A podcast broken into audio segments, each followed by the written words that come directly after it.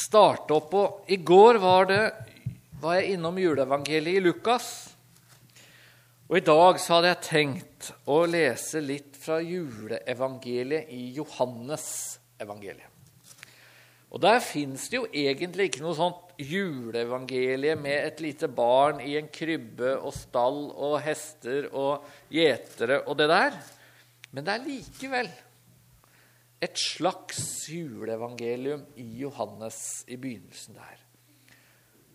Om at Jesus blir født og kommer til jord. Og Den teksten synes jeg har at det er veldig mye viktig i, og derfor skal vi ta med den. Og Da leser vi fra Johannes 1, og så leser vi fra vers 9 til 14. Det sanne lys, som opplyser hvert menneske, var i ferd med å komme til verden. Han var i verden, og verden er blitt til med han, og verden kjente ham ikke. Han kom til sitt eget, og hans egne tok ikke imot ham. Men dem som tok imot ham, dem gav han rett til å bli Guds barn, de som tror på hans navn. De er ikke født av blod, heller ikke av kjøds vilje, heller ikke av manns vilje, men av Gud. Og ordet ble kjød og tok bolig iblant oss, og vi så hans herlighet, en herlighet som den en enbåren sønn har fra sin far, full av nåde og sannhet. Ja, Det er et annerledes juleevangelium. Og I noen bibler dere, vil dere også se at det jeg leste nå, det er satt opp som et slags dikt. Eh, og det er altså fordi de første versene i Johannes-evangeliet, det vi gjerne kaller for prologen, det er egentlig et teologisk dikt om hva som skjedde i jula. Og en av nøkkelsetningene, noe av det viktigste i den kristne tro om Jesus, det leste vi her i vers 14. Ordet ble kjød. Eller ordet ble menneske. Og ordet, det er altså det ordet som Johannes bruker om Jesus. Ordet. Ordet ble kjød, Gud ble menneske Og det er mye vi kan si om hvorfor det er viktig. Om hvorfor det er så viktig at det lille barnet som er sentrum for jula, er så mye mer enn et lite barn, nemlig Gud selv. Men en av de tinga som det også står om her i Johannes 1 det står i vers 18 om hvorfor det er så viktig. Og der står det sånn Ingen har noensinne sett Gud. Men den enbårne sønn, som er i Faderens favn, han har forklaret ham. Og Det betyr altså at det at Jesus ble menneske, kom til jorda, det er den muligheten vi har for å se Gud. For ingen kan se Gud, står det her. Og Paulus skriver i 1. Timoteus brev at Gud, han bor i et lys der ingen kan komme. Så det å tro på Gud, og det, det vet vi jo det innebærer å tro på noe usynlig, ikke sant? Vi ser ikke Gud. Ingen har noensinne sett Gud. Det er noe vi tror. At han er der, at han fins, men vi tror at han fins utenfor skaperverket. Han er på utsiden. Han er den som har skapt tid og rom og verden. Han er på utsiden.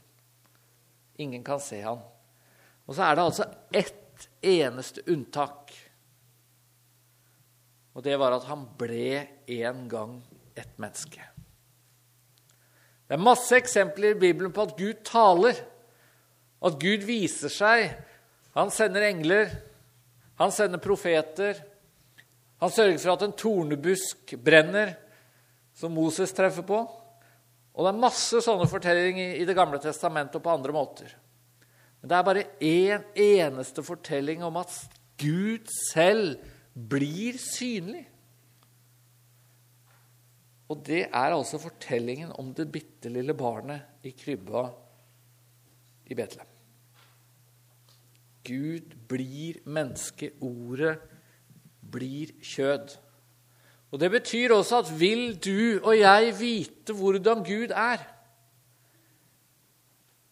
så er det altså faktisk så enkelt at vi kan finne fram Bibelen, og så kan vi lese fortellingen om Jesus. Og så veit vi hvordan Gud er. Fordi Jesus er Gud.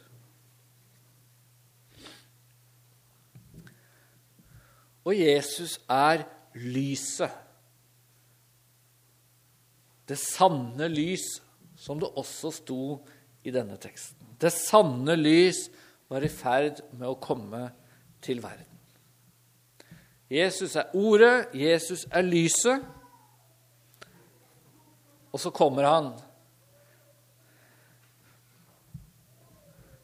Og så møter vi noe ganske overraskende, som vi leste da fra vers 10. Han kom, han var i verden, men verden kjente han ikke. Han kom til sitt eget, og hans egne tok ikke imot ham. Det sanne lys, Gud selv, han ble altså vraket det er på en måte en sentral tanke i juleevangeliet til Johannes.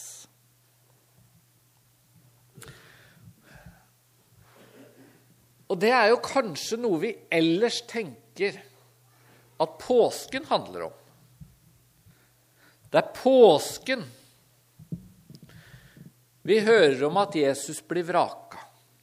Det er i påsken vi hører om at Jesus lider. Det er i påsken vi hører om arrestasjon og forhør og til slutt korsfestelse. Men det er altså slik i Bibelen, som en rød tråd, at Jesus blir vraket. Det er ikke bare påsken. Det var ikke rom for dem i herberget er den kjente setningen i juleevangeliet. Og her er altså setningene 'Verden kjente han ikke, hans egne tok ikke imot ham'. Og i disse ordene, i, bu, i alt det som står om at Jesus blir vraket, avvist, så ligger det også en veldig klar utfordring til deg og meg. Er vi blant de som tar imot Jesus, som tar imot Guds sønn som vår frelser, eller er vi blant de som vraker Han? Og Det er jo tankevekkende å tenke over det akkurat i jula tenke over det når det er norsk jul. Blir Jesus vraket også i dag i Norge, i et land som vi gjerne kaller for kristent? Og Jeg er redd at det skjer på, på mange måter. Og jeg spør meg også sjøl er jeg med på det ved å feire jul på den måten jeg gjør.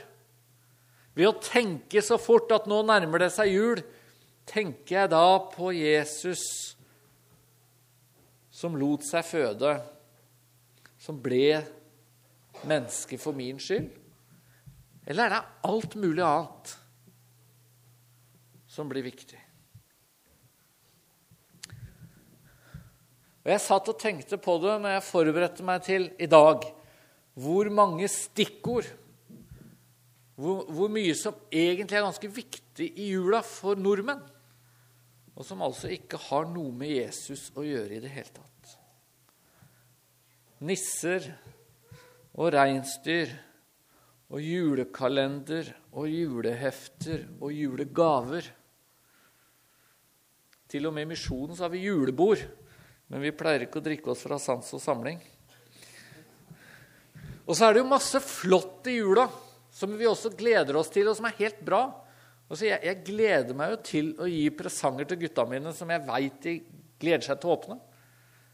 Og som de kommer til å bli glade når de har åpna, ikke bare myke pakker. Jeg gleder meg til noen juleselskap. Det er ett hos svigermor jeg ikke gleder meg så mye til, men det er noe, Jeg gleder meg til å gå på ski. Og, og, kona mi, som jeg vel nevnte i går, hun gleder seg til å tenne lys. Og etter hvert har jeg begynt å se at det er ganske hyggelig. Og, og så gleder jeg meg til ribbe, og, og, det hender jeg kommer over litt pinnekjøtt som jeg spiser også. Og så er det veldig mye flott i jula som, som også er helt bra. Men det er virkelig tankevekkende å stille spørsmålet blir det sånn at Jesus drukner i det alt sammen. Det lille barnet som kom til sine egne, til jødefolket i Israel for 2000 år siden, som skulle vite hvem han var, for de hadde profetiene, de vraket han. Og det endte med at de ropte 'Korsfest, korsfest'. Og så er det altså en rød tråd gjennom hele Bibelen. Fra han blir født og til han dør, så blir Jesus vraket. Er vi med på det? Er du med på det?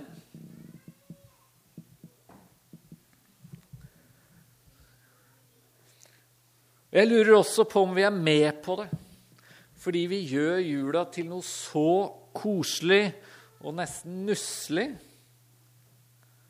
Og det er dette søte, lille barnet, og det er disse vismennene, og det, og det er på en måte så søtt. Og så er spørsmålet blir brodden i julebudskapet blir borte.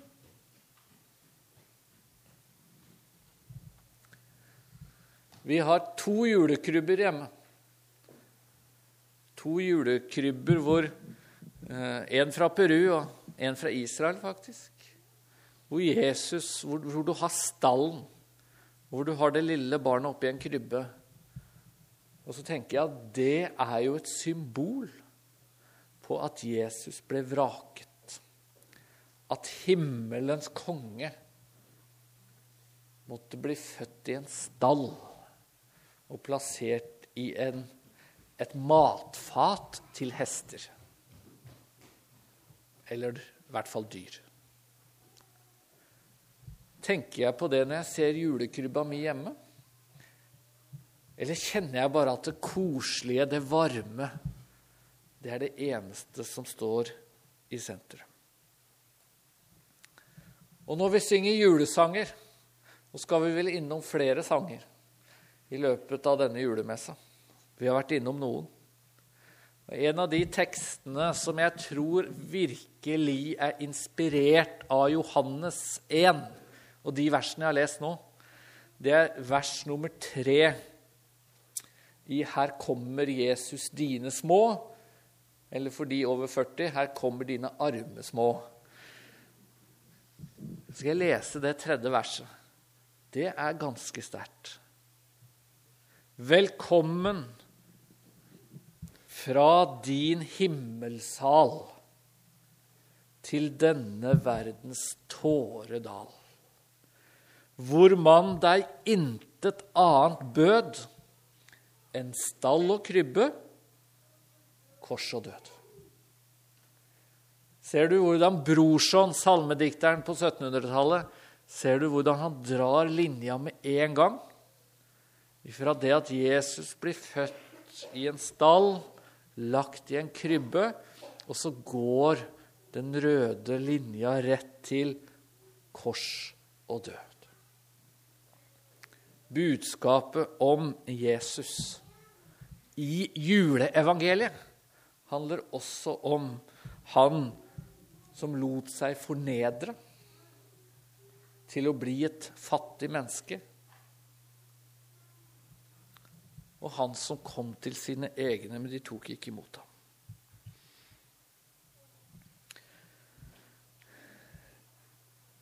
Disse versene som jeg har lest i Johannes, sier veldig tydelig og klart at Jesus er verdens lys, men han kom til et mørke. Og Det er noe av det Bibelen sier oftest, og som det er vanskeligst å tale om, tror jeg, i vår tid og i Norge. Det er at mennesket lever i mørket og trenger et lys. Det står i vers 5 her i Johannes 1 så enkelt og greit om Jesus og om oss. Lyset skinner i mørket, og mørket tok ikke imot det. Nøyaktig det samme, men med andre ord. Og jeg er helt sikker på at det er det ved julebudskapet som de fleste synes det er vanskelig å ta imot. Men nå kjenner ikke jeg deg, og dere som er her, og det kan godt hende at for dere så er dette egentlig veldig enkelt og greit. Jeg håper det. Men jeg er helt sikker på at det nordmenn flest synes er vanskeligst med juleevangeliet, det er å, å ta inn over seg at vi trenger en frelser. Vi lever i mørket hvis vi ikke følger verdens lys. For det oppleves så dystert, så negativt, det å forkynne. Vi lever i mørket, vi trenger en frelse. Mange vil heller ha et klapp på skuldra. Mange vil heller si at ja, vi er ikke perfekte, men det er jo ingen. Gud er jo kjærlig. Så slapp helt av. Det ordner seg. Og Det er også den innvendingen som jeg syns jeg oftest møter fra mennesker som kan være sympatisk innstilt til kristen tro positive til mye. Men det derre med at vi alle er syndere som trenger en frelser, det er det vanskelig å ta til seg. Og Det tror jeg er også da kanskje noe av det som blir mest skjult og mest borte selv om kirkene fylles til jul, selv om det er julekonserter, selv om vi synger julesanger Å ta til seg at Jesus kom til en mørk verden som er fortapt uten en frelser.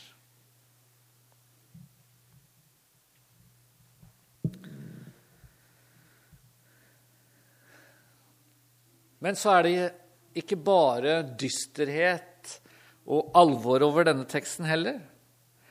Alle dem som tok imot ham, dem ga han rett til å bli Guds barn, de som tror på hans navn.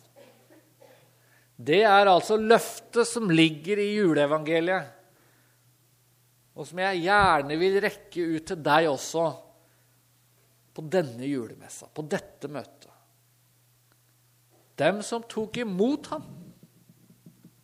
Og det er altså de som tror på hans navn.